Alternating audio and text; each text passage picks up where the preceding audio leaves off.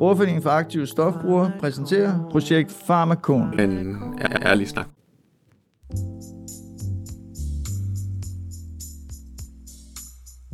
I det her tredje afsnit om behandling fokuserer vi på døgnbehandling. Her snakker vi igen med Anja Plesner Blok, stifter af stofbrugerorganisationen Brugernes Akademi, og som har en lang erfaring med døgnbehandling og det danske behandlingssystem i det hele taget. Øhm, derudover så snakker vi med to andre anonyme, øh, der også har rig erfaring med at være i døgnbehandling.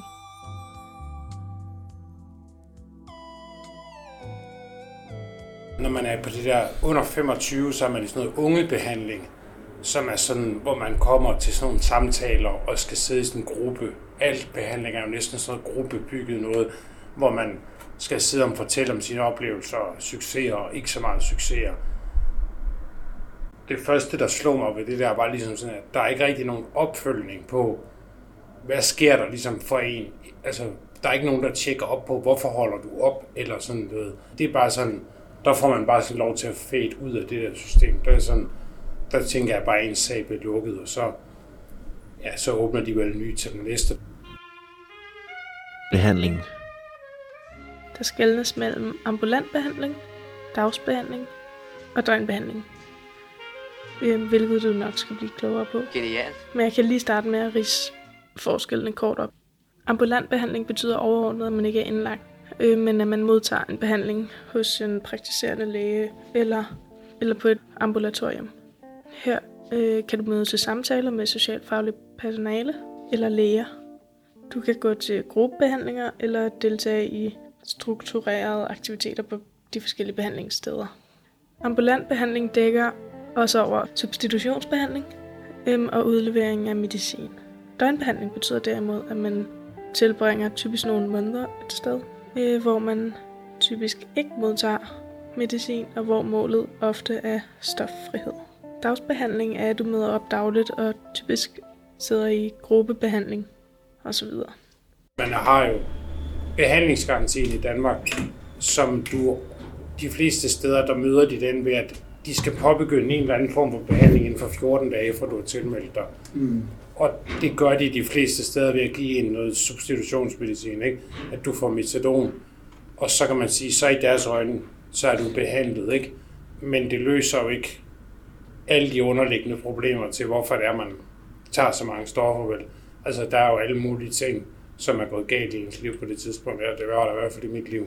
Så kommer man i sådan en form for dagsbehandling, og så kan man sige, det er egentlig det samme, som når du er i ungebehandling. Men problemet er lidt, at når du er udviklet, hele din virkelighed er at tage stoffer på det tidspunkt, ikke? og du begynder ikke at kunne passe dit arbejde, og altså det hele er ved ligesom at skride fra hinanden, så er det bare ikke særlig hjælpsomt, altså sådan at sidde og snakke med nogen tre timer om dagen, altså fordi når man først er blevet fysisk afhængig af heroin, du kan ikke bare stoppe med det. Altså, du mm. får det så dårligt så lang tid, at du kan ikke sove, og altså, alle abstinenser, det kan sige, det er jo ikke rigtig en løsning på det punkt. Så er det næste skridt, at man skal i døgnbehandling, ikke? Og det kan være utrolig svært at få døgnbehandling, fordi det er utroligt dyrt at sende folk i døgnbehandling. Jeg kom i min første behandling, da jeg var 17 år. Øh, og der arbejdede jeg i et øh, trykkeri. Der var forskellige værksteder på på det der øh, sted, jeg arbejde, eller jeg var i behandling. Og øh, hvad hedder det, øh, der arbejdede jeg i trykkeri, og det var jeg rigtig god til. Og jeg sørgede for at blive den bedste til at være den, øh, der stod i mørkekammeret og lavede de der, øh, laver man slet ikke mere, øh, gammeldags offsetplader. Øh, og, øh, og jeg elskede det. Altså, og så stod jeg og lavede plakater ud af pladecovers og sådan noget. Og det, jeg elskede det. Øh, men, øh, men jeg var vred. Jeg var, jo, jeg var jo pisse vred over min opvækst, over de ting, jeg ikke var ligesom kommet af med. Øh, det var jeg gal over. Og det, og det betød også, at jeg ikke var færdig med at bruge stoffer. Så selvom at der var et hus fuld af søde pædagoger, og de var søde, de var virkelig søde, omsorgsfulde, og vi fik ture til Hartsen, hvor vi drak os skide fulde sammen med dem. og det var virkelig sjovt.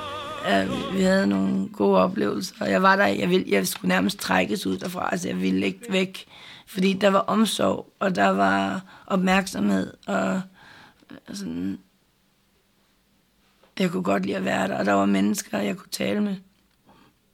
Og, øhm, og jeg gik til psykolog og, og sådan nogle ting, ikke? Så det var øh, det, der kald, blev kaldt for et AMS ungdomscenter dengang. Og der var øh, øh, fem værksteder, og tre af dem kunne man uddanne sig på. Og det var, det var gardneriet, kantinen og smedjen. Ja, så var der en, et snikkeri og en, et, et malerværksted, og så var der øh, trykkeriet. Øhm, og trykkeriet gjorde, at jeg gik videre med EFG hed det dengang. Øh, og, øhm, men jeg kunne ikke fuldføre det, fordi jeg var jo jeg var lige kommet ud af behandling, og alle de andre, de boede stadigvæk hjemme, og det største problem var, om deres mor vaskede deres bukser, eller hvad de fik i lommepenge, ikke? Og, og mit øh, største problem, det var at skaffe penge til den fede hver dag. fordi jeg røg stadigvæk has, ikke? Og var på kontanthjælp, og det var dyrt. Og det ja, var svært at få til at løbe rundt. Øh.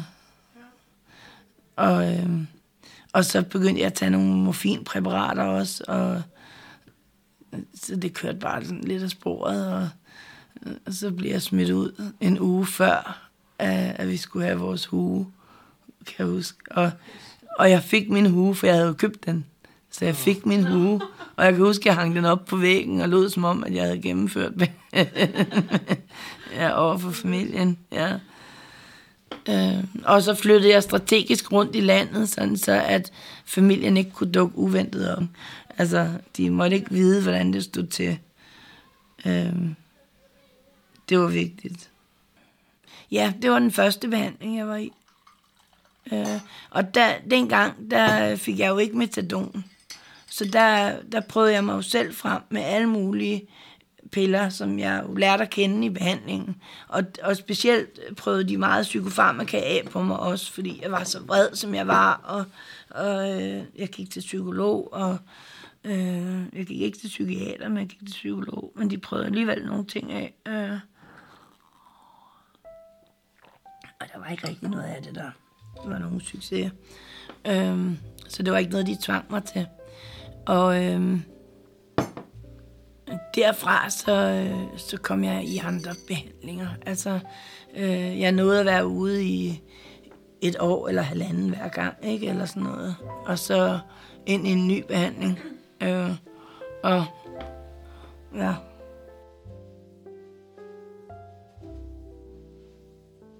ved ikke. Nogle gange så har jeg tænkt på, om, om det, som behandlingen gør, som er det mest geniale, døgnbehandling gør, det er egentlig bare at bringe dig ind i en struktureret, positiv ramme, der minder om en hverdag. Mm. Og det er egentlig dybest set det, man har mest brug for. Eller det er terapien, der er ved siden af. Og det kan jeg faktisk ikke spare på. Det har jeg tit snakket med mm. folk, der har været behandling omkring, om det er egentlig bare i godsøjne, at det, at man bliver bragt ind i en normal ramme, og følger en struktur, der gør, det er der, den største positive udvikling sker igennem eller det er gennem samtale-terapi. Det, ja. det har jeg ikke et svar på. Altså, og det, og det er, og, ja, det, det er ret underligt, men det, jeg ved ikke, hvad der, hvad der er vigtigst i det, eller om det er lidt af det hele, der er vigtigt. Der er jo et eller andet genialt ved det der med at være en del af det der fællesskab, der er i behandlingen. Ikke? Altså, mm. det, du skal jo ligesom sådan opleve, at du ikke er alene med dine problemer, ikke? og det tror jeg er et godt link ud af den der ensomhedsfølelse, der føles med at være på stoffer generelt så tror jeg, det er svært at lave sådan en one size fits all. Altså yeah, jeg tror, yeah. at behandling for at skal have succes, skal den være ret modulerbar, eller sådan, den skal kunne tilpasse sig ret meget efter folks behov er, ikke? Altså fordi der er også stor forskel på at være ung, og ikke har haft nogle succesoplevelser, og vide, hvad dit liv skal indeholde, og så har haft et liv med indhold, som man har mistet, hvor man ved, at det kunne man godt tænke sig at komme tilbage til. Ikke? Altså jeg tror, at det handler, behandlingseffekt handler virkelig meget efter, hvor folk er henne i deres liv. Ikke? Altså det er derfor, det er så svært at sige, hvad der er det rigtige og forkerte, eller sådan, mm. eller ikke rigtigt og forkert, men hvad der ville være det bedste for folk, ikke? Øh, ambulant behandling, det var først senere, fordi, fordi at jeg, jeg tog heroin, øh, men fordi jeg ikke stak mig, så dengang, så, øh, så kunne man ikke få metadon. Øh, ja, det, det var kun, hvis man stak sig. Ikke hvis man røg det eller sniffede det. Så, så kunne man nøjes med fenomal. og det var ikke, altså, det er der ikke nogen, der kan nøjes med. Det er bare sådan noget muskelafslappende, der gør, at man ikke får kramper. Altså, øh, hvilket man ikke altså, ja, kan bruge til en skid. Man får det bare mærkeligt af det. Altså, ja, det var bare fucked up. Så jeg kan huske, at jeg var på Skansegården på et tidspunkt, øh, og, og der, øh, der, jeg tog temmelig meget heroin, øh, stærk hvid heroin, og, øh, og så kom de ind og tog min puls og sagde, du har det jo fint, og, og jeg havde bare hernede og, øh, og så gav de mig noget fenomal, og så gik de. Og jeg havde været der i kvarter, og så kan jeg huske, det var jul, og så kan jeg huske, at jeg splittede alle deres, de der julestjerner ad. De havde stående i vinduet. Jeg, jeg gik hen til alle vinduerne og stod og kiggede ud. Og hver gang, så, når jeg gik fra et vindue, så havde jeg bare splittet de der blomster ad fuldstændig, så det lignede bare, jeg Uden at tænke over det, jeg var bare så vred, mand. Øhm. Og så gik jeg det var fuldstændig åndssvagt, at man, at man ikke anerkendte, at uanset om du propper heroin op i røven eller ind i øret, altså så længe det kommer ind i blodbanerne på en eller anden måde, så, så bliver du hugt på det, så er du afhængig af det, og så har du brug for noget substitutionsmedicin, hvis du skal lade være med at tage det. Så det, det var idiotisk. Det var bare idiotisk. Det var bare holdningsspørgsmål. Men altså, det er det jo stadigvæk i dag, er det jo det, der gør tingene idiotiske. Det er jo stadigvæk holdningsspørgsmål, ikke? Øh, holdningerne har så ændret sig øh, en anelse, men det er sgu ikke meget. Døgnbehandling, det er jo simpelthen, at du tager sted og får at vide, endelig skal du afsted, som regel har man jo ventet lang tid på det, og så tager du et sted hen, i mit tilfælde, der skulle jeg til Bornholm, og så er du simpelthen på en institution i x antal tid, det er typisk tre måneder, hvor du bor der. Så du sover ligesom på en efterskole, du har et lille værelse med et lille toilet til og sådan noget. Så skal du hjælpe med at gøre rent, du skal hjælpe med at lave mad på stedet. Så har du meget gruppeterapi. Altså du sidder i en gruppe 25 timer om ugen. Og så er der en dag med undervisning omkring stofmisbrug, eller traumer, eller nogle af de underliggende mekanismer, der ligesom kan gøre, at man udvikler et misbrug.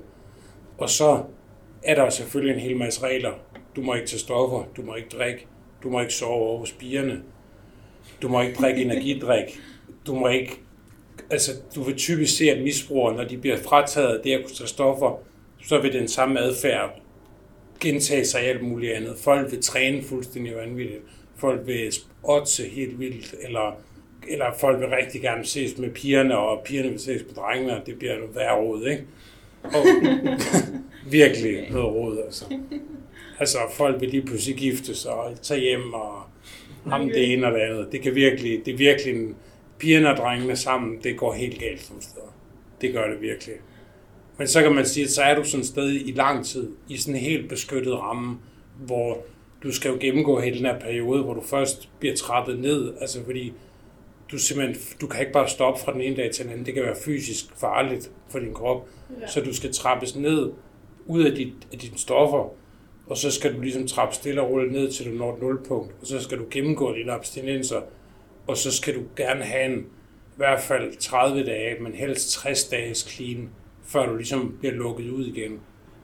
Og så er det sådan, at i nogle kommuner er der sådan et efterværn. Det er der de fleste steder, hvor du skal flytte ind i et halvvejshus, hedder det, hvor du bor sammen med nogle andre, som også har været i behandling.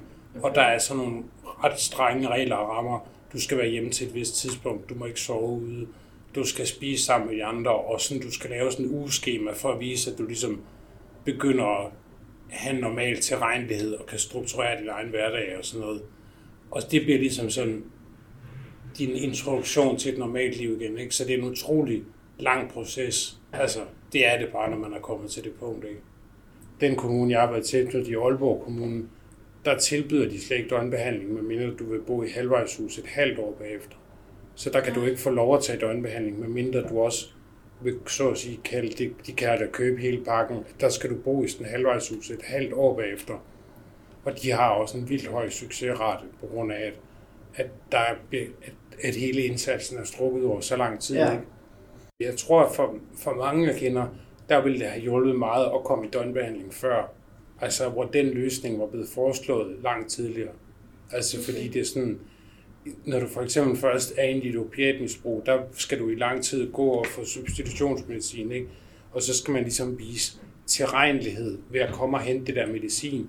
Og så går der jo bare mere tid, hvor dit liv bliver dårligt, hvor du går og skal spise metadon eller et eller andet andet. Mm. Men der sker jo ikke nogen, altså der sker jo ikke nogen afvikling af det negative i dit liv. Der kommer sådan set bare mere og mere af det, hvor jeg tit har tænkt, hvad skal den der ventetid?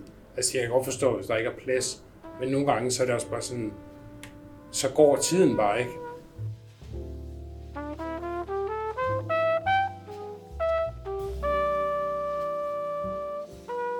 Øh, der er jo ligesom sådan nogle genveje, kan man sige. Du, du skal male et billede af, at du er så meget, meget lidt fungerende. Altså, Ja. Og jo mere kriminalitet og jo mindre fungerende du er, jo større chance er der for, at du kommer i behandling. Altså, det hjælper helt klart. Altså, jeg kender selv folk, som... Jeg kender for eksempel en, som, som har fast arbejde og altid har haft det, men har haft tre overdoser på et år, som har fået nej flere gange til at komme i døgnbehandling, fordi han er for socialt velfungerende. Ikke? Og Ja. man kan sige, det har jeg aldrig nogensinde prøvet at tage en overdosis, men jeg er- fint blevet set til at skulle i behandling, og jeg tænker, det, det er svært at regne ud nogle gange, hvad det er for nogle parametre, der, der bliver sigtet efter. Altså. Og det har også meget at gøre med, hvor meget din sagsbehandler vil kæmpe for dig. Altså.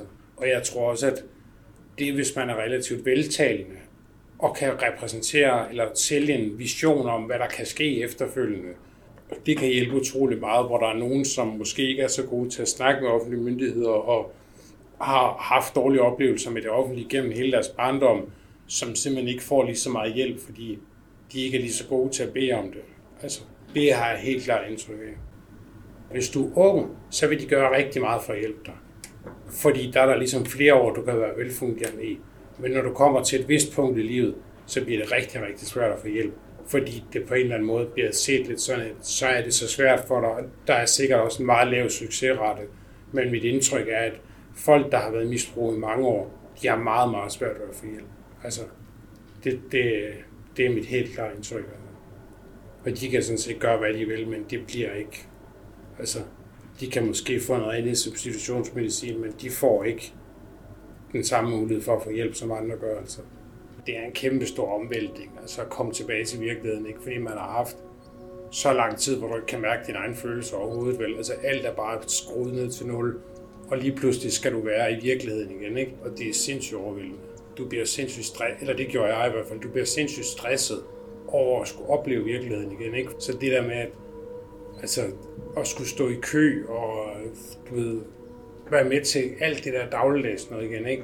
som ligesom har været laveste prioritet så længe. Ikke? Det er sådan, det er ret vildt. Altså, Ja. jeg synes i hvert fald, det var især sidste gang, det var fandme noget en omvæltning. Altså når man ikke har lavet andet end kriminalitet og omgås mennesker, der lever i du ved, femte gear hele tiden, og nat og dag er vendt op og ned og sådan noget, ikke? Altså, så er det sådan ret vildt lige pludselig bare stå nede i Netto og skulle leve af en kontanthjælp og bare sådan stå der, shit, okay. Det her, det er virkeligheden nu, ikke? Ja, det er virkelig vildt. Det har jeg også læst nogen på siden at sige, at det var sådan, at det, ja, det var meget, at det var noget af det sværeste ved det også, at, at, at komme tilbage til de der sådan ret øh, kedeligt almindeligt liv, hvor at, hun sagde det faktisk, at jamen, der, var, der, var, der var alligevel virkelig meget spænding i det andet liv der, sådan noget, også, eller sådan, der på en eller anden måde var, altså det holder vel også op med at være spændende, men I hvert fald det, jeg kom fra, der var det det der med, at du ved, der er fuld knald, knald på hele tiden. Ikke? Altså, du er sammen med alle mulige andre mennesker, der lever med meget kortsigtet og meget dårlig konsekvensberegning. Ikke? Altså, så der sker så mange ting på en uge, at du nærmest ikke kan huske bare, hvad, der, hvad du har lavet på en hel uge. Mm. Ikke? Altså, du ved, så står du lige pludselig og skal og finde ro i, at der ikke rigtig skal ske noget, vel? Altså, Ja. du, du ved, nu går du lige ned i fitnesscenteret, eller finder en eller anden hobby eller sådan noget, ikke? men du ved, det er sådan lidt, du ved, det, det, jeg har i hvert fald selv haft virkelig svært at finde den der ro i sådan no- normaliteten, ikke? Altså, du ved, og så skulle begynde på en uddannelse, ikke? Og sådan, du ved, skal opføre dig inden for de der normale rammer også, ikke? Fordi man Ja. er vant til at opføre sig ligesom, som man selv har brug for at opføre sig, ikke? er det noget, du kan tænke på, at du, sådan, at, at, at du sådan savner det der liv med, at- med at kunne Altså bare skulle tænke Ja. dig selv, som du siger. Ja. Men det bliver jo også sådan, at i starten er der jo sådan en... Det havde jeg i hvert fald for mig selv, at det på en eller anden måde er det fedt at leve så impulsivt og sådan noget, men det bliver jo bare virkelig hurtigt, virkelig skøjet.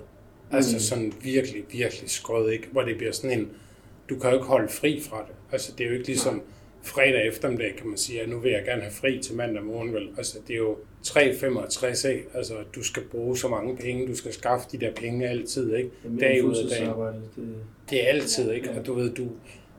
En ting er, at det første er at skaffe pengene, men det andet er også, at du skal også have et sted at købe det. Du ved, din pusher kan blive taget, han kan være væk. Du er hele tiden afhængig af så mange udefrastående faktorer, for at du bare kan have det normalt, ikke? At det er også bare sådan, det er så ufatteligt stressende. Altså, og det glemmer man hurtigt, når man har fået det godt igen, og så tænker man, ej, det andet var sgu også sjovere, men mm. Altså, det ved jeg fra hver gang, jeg er faldet tilbage igen. Det, det bliver det samme lort igen, eller værre meget, meget, meget hurtigt, ikke? Når du har været i det der i nogle år, ikke? Du oplever, folk dør, ikke? Altså, du oplever altså mange ting, som bare er forfærdelige, ikke? Altså sådan noget, hvor du sidder og tænker, du ved, det er sådan noget fra trainspotting nærmest, ikke? Men lige pludselig er du selv med i det, ikke? Og sidder og kigger på det, hvor det bare sådan, og det mærker man jo ikke, når man sidder i, for man er så bedøvet, men så når man ligesom bliver sig selv igen, tænker man tilbage på det og tænker, okay, der har med været meget af sådan noget. Altså man bliver bare sådan hård i på en eller anden måde. Altså fordi man har set så mange ting, og man bliver nødt til at beskytte sig selv for at kunne holde ud og være i det. Ikke? Så man ser så meget. Altså jeg kommer fra en fin og tryg barndom med helt normale mennesker, men tit så tænker jeg, at nogle af dem, jeg har været i behandling med, som kommer fra det der kaos fra barnsben af, der synes jeg, det er så fascinerende, at de ligesom formår at ændre deres liv og vælge alt det der til, som de aldrig har kendt før. Ja. Altså, fordi det er jo noget andet, når man selv kender det, Ja. og ligesom bare har været væk fra det i godsøjne. Hvorimod der er nogen, der aldrig har prøvet det og er vokset op, hvor man tænker, hvor er det vildt, at du har virkelig lavet alt om, ikke? Ja. Hvor man for nogle af os andre kan sige, vi er bare vendt tilbage til det, vi kom fra, ikke? i, i 96, der var der var der 1% efter øh, i al den tid, at der har været døgnbehandling. Efter et år var der 1% af dem, der blev behandlet, der stadig var clean. Og gennemsnitligt tog det syv døgnbehandlinger på over 6 måneder, før at der en person blev clean efter et år. Altså var, var clean i længere tid. Ja. Syv behandlinger. Det betyder jo, at man gør noget forkert. Og det virker lidt som om, at regeringen siger, "Ah, det virker ikke, men lad os lige prøve et år til, se om det virker Ja, alligevel. ja. Ikke? Ja. Det kan man også sige, sådan er Og også så- meget med the war on drugs i det hele taget. Ja. Altså, det virker ikke, men Lad os prøve alligevel. Os prøve Og så samtidig, så, så tillader de så bare at fjerne al øh, funding til det fra den ene dag til den anden, med den begrundelse, at det ikke virker. Ikke? Ja. I stedet for at komme med en anden løsning. Ikke? ja. Hvornår var det, de gjorde det? Det var i øh, 2008, ni stykker der i krisen der. Det var der, jeg kom i behandling. Der var ikke nogen steder til, de var alle sammen lukket. Og St. Ols var, var lukket midlertidigt. Ikke? Og der var jeg også over, øh, der var jeg over, det er jo der, jeg, har- det er det andet sted, jeg har været. Og da jeg var over og kigge på det, der lovede de boblebad og sauna og alting. Og da jeg så kom derover, så var saunaen kun tilgængelig mellem frokost og aftensmad, og der havde vi undervisning, og det samme med boblebadet. Så reelt set havde du ikke adgang til noget boblebad og sauna, og sådan var det med ekstremt mange ting. Der var én køkkenpersonale, og resten af maden skulle vi lave selv. Det er altså narkomaner, vi snakker om her. De kan have alle mulige sygdomme, der smitter igennem blodet. Og de skulle lave vores mad, og jeg skulle lave mad til de andre. Ikke ansvarligt. Det duer ikke. Altså, det, det gør det sgu da ikke. Altså, seriøst, du kan, de kan have AIDS, de kan have hepatitis, alt muligt shit, ikke? Og, og der er ikke nogen, øh, der var ikke nogen, hvad hedder det, med, med noget med, at vi skulle have handsker på. Der var ikke nogen regler om, at man skulle vaske hænder eller noget. Der var ikke nogen, der holdt øje med det. Fuldstændig, fuldstændig vanvittigt.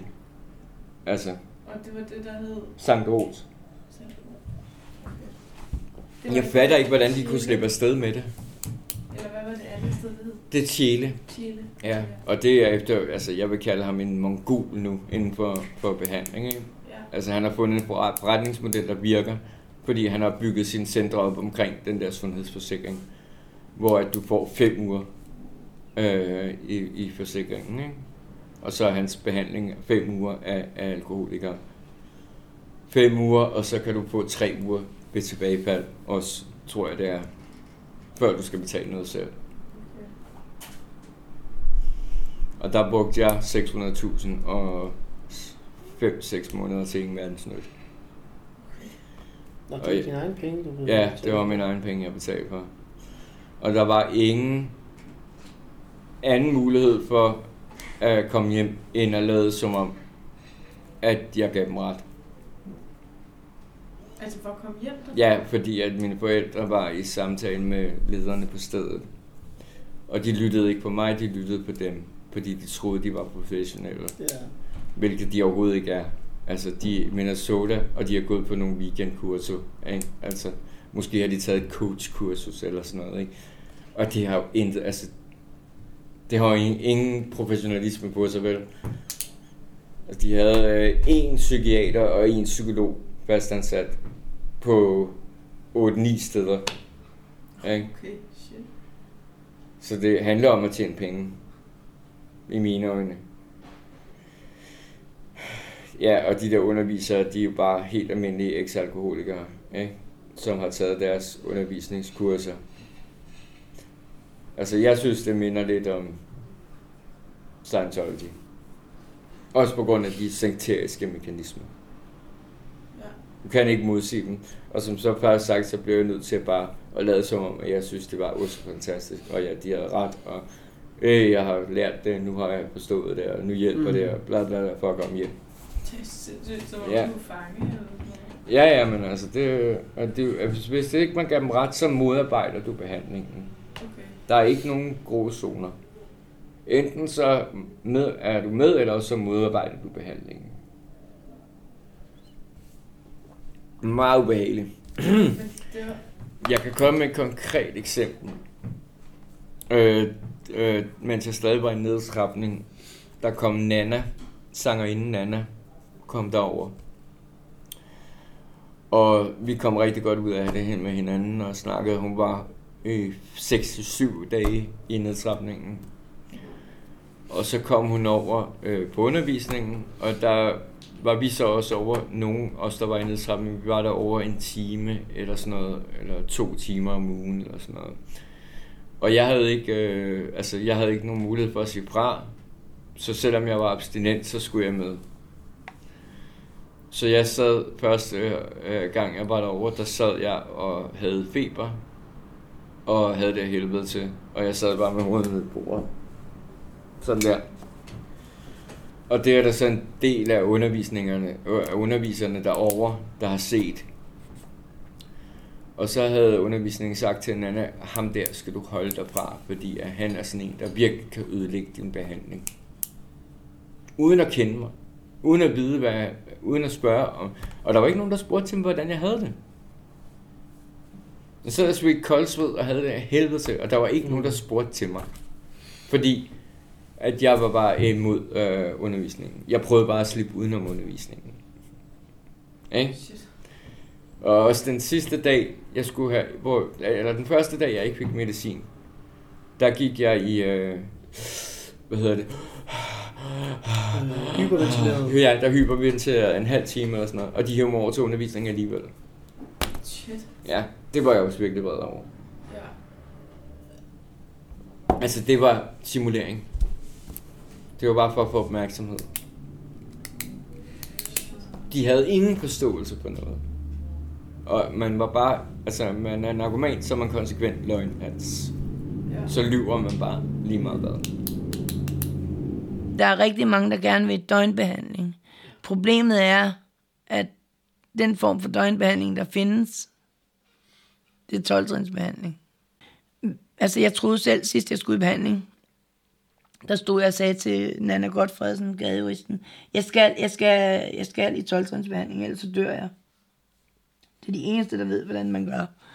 Altså, det stod jeg selv og sagde for, jeg ved ikke, hvor mange år siden der, men det, det var da, de havde taget Oliver fra mig. og han var 11, og han er 23 nu, ikke? Så øh, og jeg, jeg var sikker på, at hvis ikke jeg kom i 12 så døde jeg. Men, men jeg skulle ikke, jeg vidste også, at jeg skulle ikke igennem alt det der 12 pis. Øh, så, så jeg skulle have særregler. så jeg fik lov til, eller det gjorde jeg ikke i starten, men det fik jeg meget hurtigt lov til, ikke at komme til morgenmøderne, og ikke at komme til, fordi jeg dissekerede jo dagens tekst til atomer, og altså, jeg ødelagde jo alt for dem. så, og jeg kan huske, at man skulle, man skulle ind i gruppen, så skulle man sige tre følelser, når man kom ind, og så var der sådan en plakat, øh, man skulle kigge op på. Det var sådan noget gruppeterapi, ikke? Det kører de jo meget. Og øh, øh, skulle man sige tre følelser. Og, og så havde vi en vikar, og jeg var bare så træt af ham, for jeg synes bare, han var så dårlig. Altså, han, han vidste ikke, hvad han selv lavede, men altså... Og han var bare tidligere alkoholiker. Øh, ikke? Og, øh, og så kan jeg bare huske, jeg, jeg prøvede altid at finde sådan tre meget modsætningsfyldte, ikke? At jeg, øh, jeg er fredfyldt, og jeg er hysterisk, og jeg er... og så kan jeg bare huske, at jeg sagde, jeg er træt, og jeg skal skide.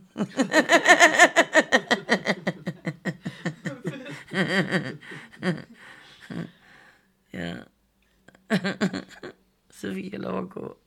Man kan sige, at der er jo et utroligt spændende overlap omkring Danmark og øh, brugen af AA og altså NA's tanker. Altså, man kan sige, at du har jo stort set alle behandlinger, der er i Danmark, er jo AA eller NA-behandlinger, hvis ikke direkte så meget inspireret af. Mm. Og jeg tror, at kvæg at alle vores behandlingscenter opbygges, sådan tror jeg også, at de tanker må sprede sig ud i dem, der bevilger behandlingerne, fordi det er ligesom sådan rigtig mange af vores behandler, behandlingssteder er bygget op.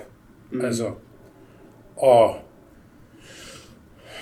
hvad kan man sige, jeg kan i hvert fald stille min tvivl med, hvor, øh, på hvilket videnskabeligt grundlag, eller hvor meget videnskabeligt grundlag de ligger på mange af de behandlinger, hvor man tænker, nogle af de ting, man foretager sig, de bliver, det ved jeg sgu ikke rigtig, hvor meget hold de har i, øh, i noget saglighed. Har du prøvet sådan noget NA eller inspireret? Både behandling, ja, jeg har også gået i, i sådan noget, ja. Der er, altså, jeg har også været i sådan noget 12-trinsbehandling. Okay, ja. Hvordan var det sidste? Det, det, det synes, tror jeg for nogen er rigtig godt, men jeg tror ikke, øh, jeg synes ikke, det er den rigtige måde at gøre det på. Det, det, er, for, det er for forsimplet. Og så tror jeg helt, altså så, så synes jeg, det der med at skulle tro på Gud og, at finde en højere magt. Ja. Det, er, det er ikke en god idé at blande det sammen med, med mennesker, der har det sådan et dårligt sted i deres liv. Altså fordi man er så desperat og fortabt, at man kan man vil nærmest købe alle teorier for at få det bedre. Og jeg synes, det er, det, det, jeg synes ikke, det er det rigtige, der blander sammen. Eller jeg synes, hvis det giver mening. Ja. Altså, jeg tror, man skal passe meget på med at blande sådan nogle sådan nogle store ting sammen med folk, der er, der er sådan et sted i deres liv. Altså. Fordi at jeg kunne i hvert fald ikke navigere i det, kan jeg sige for mig selv. Altså, altså man har fornemt ved at købe og sige ja til nogle ting, og selvfølgelig man skulle være en del af noget, som, som måske ikke giver mening for mig, eller for, i hvert fald ikke har givet mening for mig, når jeg ligesom kom et andet sted hen og kom tilbage til mig selv, kan man sige mm-hmm. grunden til, at jeg startede, øh, eller stiftede Brugernes Akademi i, i starten, det var jo, øh, vi startede med at hedde Trinløse Tænkere. Øh, og det var sådan et oprør inde på Facebook. Øh, jeg egentlig startede med at provokere NA'er, fordi jeg var så røvtræt af deres hellige pis. Og jeg havde været i, i behandling øh, mange gange, ikke? Øh, og 90 procent af al behandling i Danmark, det var 12 behandling. Og, og det var bare, altså, til at lukke op og skide i. En af de steder, Anja har været i behandling, øh, er Egeborg på Lolland. Øh, det findes ikke længere, men øh, det var kæmpe i 90'erne, hvor de var de første til at indføre 12-trins Minnesota-behandling i Danmark. Egeborgs leder hed Susanne Bæk, og hun var en idealist, der mente, det var godt at tvinge stofbrugere i behandling. Det er til trods for, at undersøgelser faktisk viste, at størstedelen af patienter efterfølgende ville falde i igen med forhøjet risiko for overdosis, fordi deres tolerance var nedsat efter at have været stoffri i over en længere periode. Cirka en tredjedel ville dø af overdosis som resultat af behandlingen. Man kan derfor godt sige, at en tvungen behandling og tvungen afrusning er livsfarlig. Og derfor var Ebo en meget kontroversiel institution. Ugenligt tog behandlerne til Istedgade og samlede folk op. Både dem, der ville og dem, der ikke ville. For så at køre dem til Lolland. Her fik man taget sine ting og måtte ikke forlade stedet. Og der var derfor en del flugtforsøg. Du kan høre mere om Egeborg i Brugernes Akademis podcast Fixet. Øhm, og her kan du også høre mere om og fra Anja. Og så kan du på YouTube finde dokumentaren fra 1995 om Egeborg, der hedder I den bedste hensigt. Og her er et lille klip med Susanne Bæk. Jeg går ind for, at man stiller et krav til narkomanen om, at han skal gøre et forsøg på at få en, en behandling, hvor motivet er stoffrihed. Det går jeg ind for. Helt klart. Er det ikke også tvangsbehandling? Nej. Tvangsbehandling er noget ganske andet. Nå, men så vil jeg godt have... Kan du prøve at præcisere, hvad du mener? Men tvangsbehandling? Du kan ikke tvangsbehandle en narkoman. Jo, så skal du behandle ham med medicin. Men det, vi Du kan om, tilbageholde en narkoman. men det du siger, det er, man skal tvinge en narkoman i behandling, fordi det vil han gerne. Ja. Men du kan ikke tvangsbehandle. Men du mener, at narkomanen skal tvinges til at gå i behandling? Ja. Skal han fastholdes i den behandling? Det skal han også, ja. Her er fra samme dokumentar endnu et klip.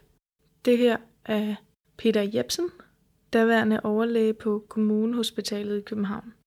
Jebsen har været med til en større undersøgelse af, hvordan det går stofbrugere efter endt behandling. Vi viste i, i vores undersøgelse i sin tid, at når man gør det op på et meget stort materiale, som vores øh, undersøgelse faktisk er, så viste det sig, at øh, hver gang, at øh, 16 øh, personer, som bruger stof, bliver stoffri, ja, så er der 12, øh, som øh, øh, får tilbagefald. Og i forbindelse med tilbagefaldet dør de 9 af de 12. Og man må nok sige, at 25-30 års narkobehandlingspolitik har i ganske urimelig grad fokuseret på det ene succeskriterium, der hedder stoffrihed. Og jeg synes, at man skal have det i baghovedet, når man nu taler om tvangsbehandling. For hvis en tvangsbehandling også indebærer, at man tvangsafgifter folk, så bringer man dem faktisk nærmere risikoen for, at øh, de, hvis de får tilbagefald alligevel efter behandlingsophør, dør en overdosis. Og de fleste får tilbagefald. AA, også kendt som Alcoholics Anonymous på engelsk, er en øh, helt vildt indflydelsesrig form for behandling, som du nok har hørt om, som også har affødt andre grupper fokuseret på andre stoffer end alkohol. Således findes der i dag også øh, NA, CA, MA og GA, der blandt andet tilbyder behandling for kokain, hash og ludomani. Kendetegn ved AA-baseret behandling er gruppeterapi og de famøse 12 trin, samt en forståelse af afhængighed som en sygdom, og på den måde noget, der ikke kan kontrolleres af individet. For at komme ud af sin afhængighed må man derfor gennemgå en proces af underkastelse og overgivelse til en højere magt og til de her 12 trin. AA og øh, dens andre udspringere grupper insisterer på, at programmet ikke er religiøst, men det er lidt sjovt, når man læser trinene, der eksplicit nævner Gud ikke mindre end øh, fem gange. Netop det her religiøse præg ved grupperne er det, der har fremkaldt meget af kritikken af AA og NA som sekterisk. Det er en sekt. Det er en nyreligiøs sekt. Det er sparsomt med videnskabeligt grundlag for nogle af grupperne, men i et øh, kuriøst twist, så er AA's idégrundlag på en måde blevet bakket op af det amerikanske NIDA, National Institute on Drug Abuse, som finansierer ikke mindre end 90% af al rusmiddel- og afhængighedsforskning i USA. Og det skete på den måde, at øhm, Der blev udgivet en forskningsartikel i 1997, hvor den daværende leder for NIDA definerede afhængighed som en hjernesygdom. Kritik af NIDA og den forskning, de finansierer, er, at den er groft forudindtaget og nærmest trosbaseret. Kritikere de peger på en overdreven spekulation i konklusioner i forskningsartikler om stoffer afhængighed, som der oftest er sparsomt eller intet grundlag for i forskningen. Særligt en kritiker, den amerikanske neurofarmakolog Carl Hart, har gennemgået, hvordan store dele af den forskning, som i høj grad former mediernes portrættering af afhængighed og såkaldt misbrug, er belagt med fejl og overdrevent spekulative konklusioner, som man normalt ikke vil tillade i videnskabelig evidensbaseret forskning. Hart han peger på, at kriminalisering og demonisering af stoffer og stofbrugere har skabt en forudindtagethed i forskningen, som videnskabsfolk mere eller mindre blindt underkaster sig. Så altså en interessant og lidt mærkelig form for idémæssig alliance mellem en magtfuld videnskabelig institution og et på mange måder totalt uvidenskabeligt og trosbaseret behandlingsprogram. Men tilbage til AA og deres indflydelse. Lige meget hvad man synes om metoderne eller idégrundlaget, så kommer man ikke udenom AA, når man snakker om behandling. Den måde at se på afhængighed, som AA repræsenterer, har været ekstremt indflydelsesrig, og 12-trinsbehandling er fortsat det mest udbredte behandlingsprogram, også i Danmark. Og resultaterne de er blandede. Øh, succesraten for AA og NA for eksempel, den er stærkt varierende. Der er lavet undersøgelser, der har vist en succesrate så høj som 79 procent, og tilsvarende lav helt ned på 2 procent. Generelt så er øh, succesraten ikke så høj, fordi det ligesom den ultimative succes er total stoffrihed. Øhm, og dermed også en total underkastelse af det her ret øh, gennemgribende program. Og måske også på en måde en religiøs overbevisning, for at man faktisk kan gennemføre det. Men altså, Øhm, lige meget hvad man mener om AA og metoderne i programmet, er det sikkert, at tankerne bag har præget synet på stofbehandling i meget høj grad, og at det fortsat har en ekstremt stor indflydelse på, hvordan vi ser på afhængighed og behandling af afhængighed. Man, man læser den samme tekst øh, fem gange om dagen, og øh, altså, og man siger, at det ikke er hjernevask, og at, og at selvom at man siger højere magter hele tiden, så siger man bare, jamen, det kan være en cykel, der står udenfor, det behøver ikke at være Gud. Øh, det, bare det ikke er dig selv, fordi du kan ikke stole på dit eget hoved. Øh, du skal lytte til gruppen. Øh, ah, men det... Øh, og altså, da det startede, var det jo fuldstændig grotesk. Altså, øh, med tæskehold og altså virkelig slemme forhold, ikke? Øh, og det kommer I til at se, hvis I ser den der i den bedste hensigt. Øh, eller det kommer I ikke til at se, men, men måske I kan fornemme det, ikke? Øh, og hende lederen, hun er psykopat. Altså, Susanne Bæk, hun er fuldstændig psykopat. Øh, når man går til møder, altså man bliver introduceret til sådan nogle 12 møder, øh, som foregår, hvor man kan gå til møde inde i byen, og så øh, kan man lige, du ved, ligesom på amerikanske film, ikke?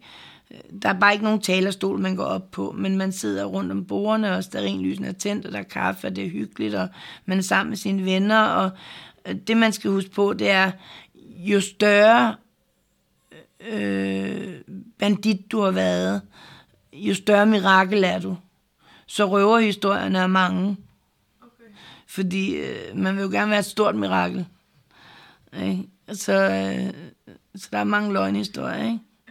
Okay. Øh, og man slutter af, altså der bliver læst de samme fem tekster op hver gang. Øh, og man slutter af med at holde i hånden og, og råbe, at hvis ikke man kommer her jævnligt, så, så ender det med fængselinstitutioner og død. Og det råber man i kor, øh, mens den der tekst bliver læst op, ikke? Ja. Så det er indoktrinering. det er lovebombing, det er alt det, du, hvis du slår op, hvad er en sekt, så kan du sætte kryds ud for alt, hvad der står øh, i forhold til 12 behandling. Og øh, så har man lavet noget, der hedder Minnesota Light, fordi at, at vi begyndte jo så øh, i Brugernes Akademi, eller i, i øh, først i Trinløs Tænker at råbe op om, om det her, og vi stiftede forening, og, og øh, øh, og, og jeg fik gjort politikerne opmærksom på det. Jeg fik gjort dem rigtig meget opmærksom på det. Så meget opmærksom, at de gav 110 millioner til området. Til et løft til området.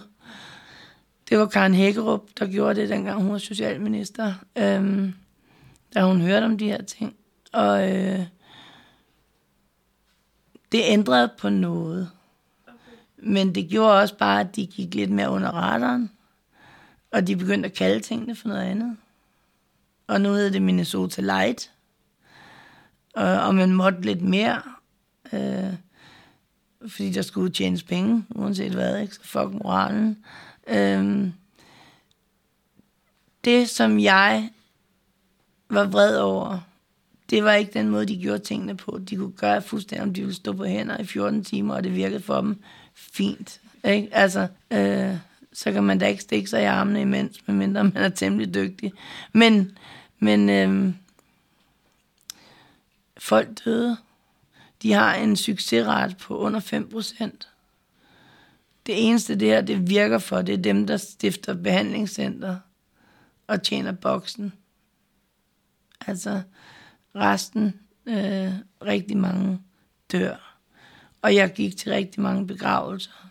Og da jeg havde gået til min bedste venindes begravelse, og kirken var fuld af enager, hyggelere, som jeg alle sammen havde set, når hun skulle fejre sin mærkedag, der tækkede hun mig altid om at komme, når hun sådan havde øh, fem års stoffri, eller clean hed det, ikke? Og alt det der. Øh, tækkede hun mig om at komme, og så skulle jeg sidde sammen med de der fucking hellige køer, ikke? Og, øh, og jeg gjorde det, fordi at jeg elskede hende, og øh, de ville jo ikke have noget med hende at gøre, dengang hun røg i. Der var de der jo ikke. Men da hun døde, så sad de jo alle sammen og, og havde så meget øh, godt at sige om hende og øh, alt muligt. Altså, det var så hyggeligt, mand. Øh, og det gjorde mig bare så pisse vred. Og det gjorde, at jeg tænkte, nu er der bare krig. nu, nu skal de bare dø, nu skal de bare lukkes.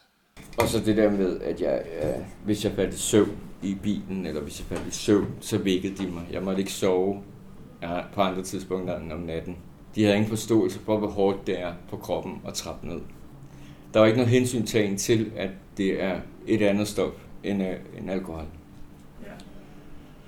Bortset fra, at de ikke troede på mig, og at man bare lyver, når man er på alkohol eller på stoffer. Depotmedicins abstinenser er afhængig af, hvornår du har fået dem.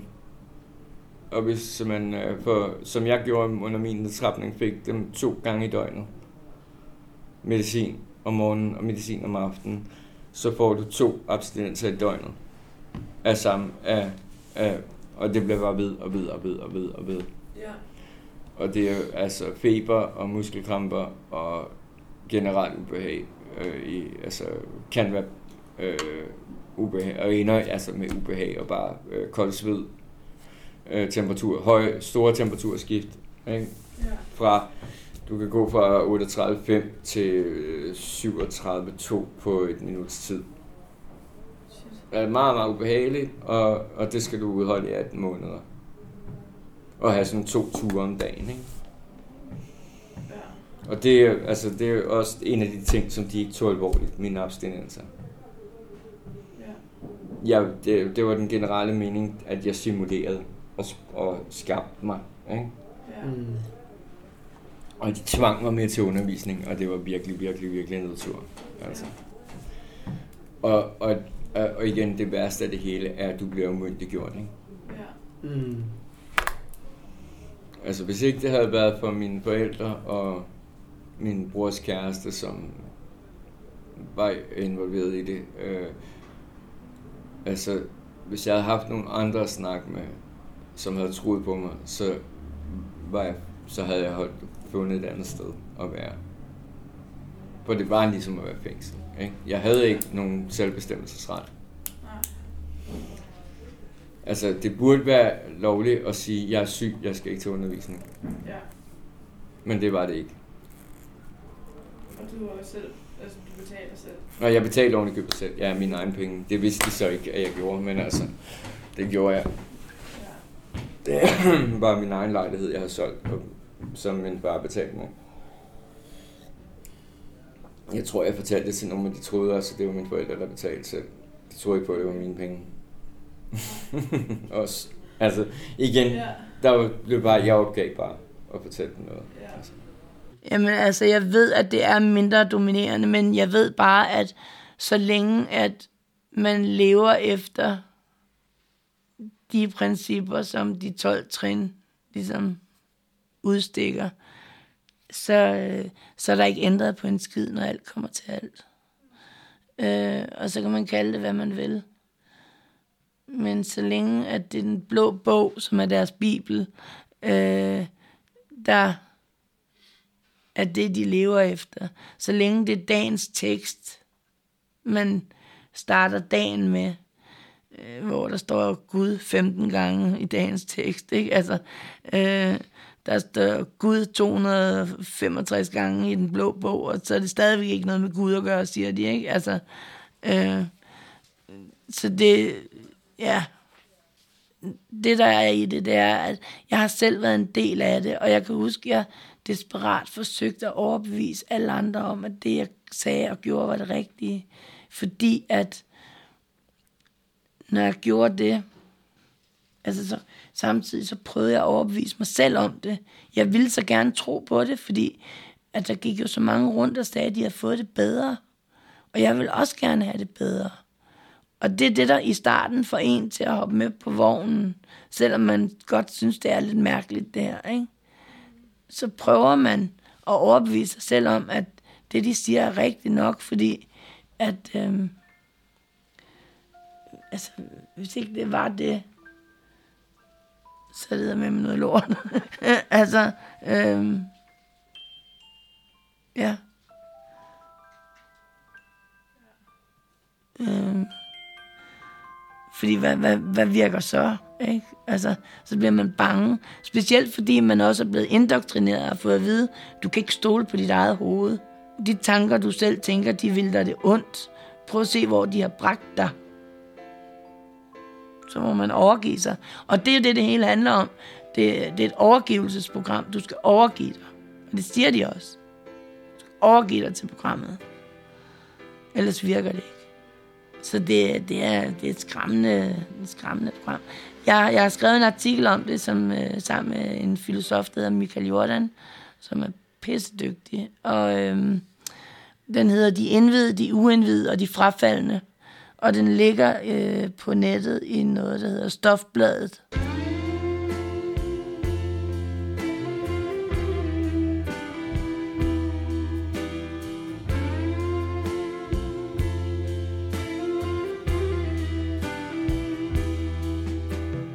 Det, der er brug for, det er jo et sted, hvor der er afskærmet, hvor man får ro, hvor man øh, hvor man øh, får den der øh, fysiske pleje, som der reelt er brug for. Fordi når folk kommer i behandling, så er det mennesker, der er øh, hårdt ramt fysisk som regel. Og der skal være noget plejepersonale, der har forstand på, hvad, hvor er de ramt, hvad, hvad for en form for vitamin, vitaminmangel har de, øh, øh, hvad, hvad er det for nogle skader, vi skal se på, skal de have ordnet tænder, øh, hvad med deres hjerteklapper, hvordan ser det ud, alt sådan noget skal tjekkes op på. Øh, det bliver det ikke. Og det er det, vi har brug for. Og så har vi brug for øh, ordnede forhold. Det kan godt være, der er brug for noget gruppeterapi og noget terapi, og specielt måske noget psykologhjælp. Øh, men det skal være af ordentligt uddannet personale. Det skal ikke være personale, som selv har taget en meget lang efterbehandling, som de har opfundet og kaldt for en uddannelse. Altså, fordi øh, DAC-uddannelsen, Danish Addiction Council, det er jo en uddannelse, de selv har fundet på. Og det er jo ikke andet end en meget lang efterbehandling. Altså, ikke en skid. Altså, og, og, og så tager de den, og så har de ret til at sidde og rode rundt i folks følelser. Øh, folk, som er skadet på alle mulige måder. Det kan man ikke være bekendt.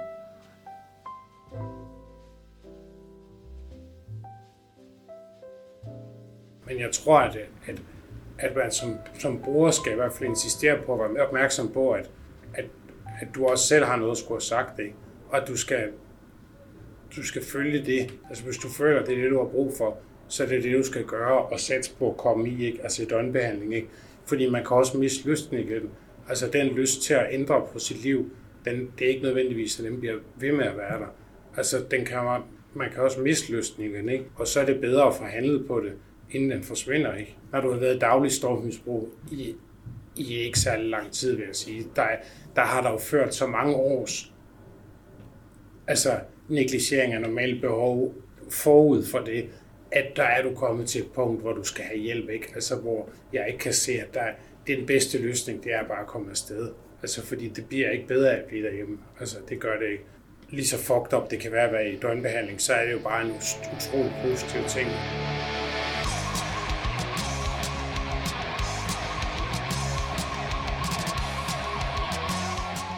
Kan jeg lige tage noget drik? Ja, selvfølgelig.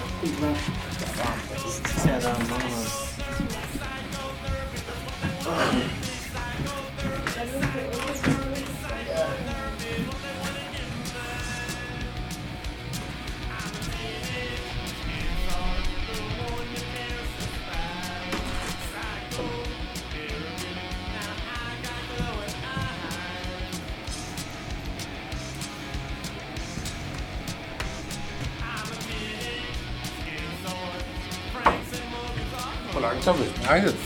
Jamen, tre kvarter. Nå. Øh, tiden flyver. Ja, det har den nu. Ja, ja, ja. Helt vildt.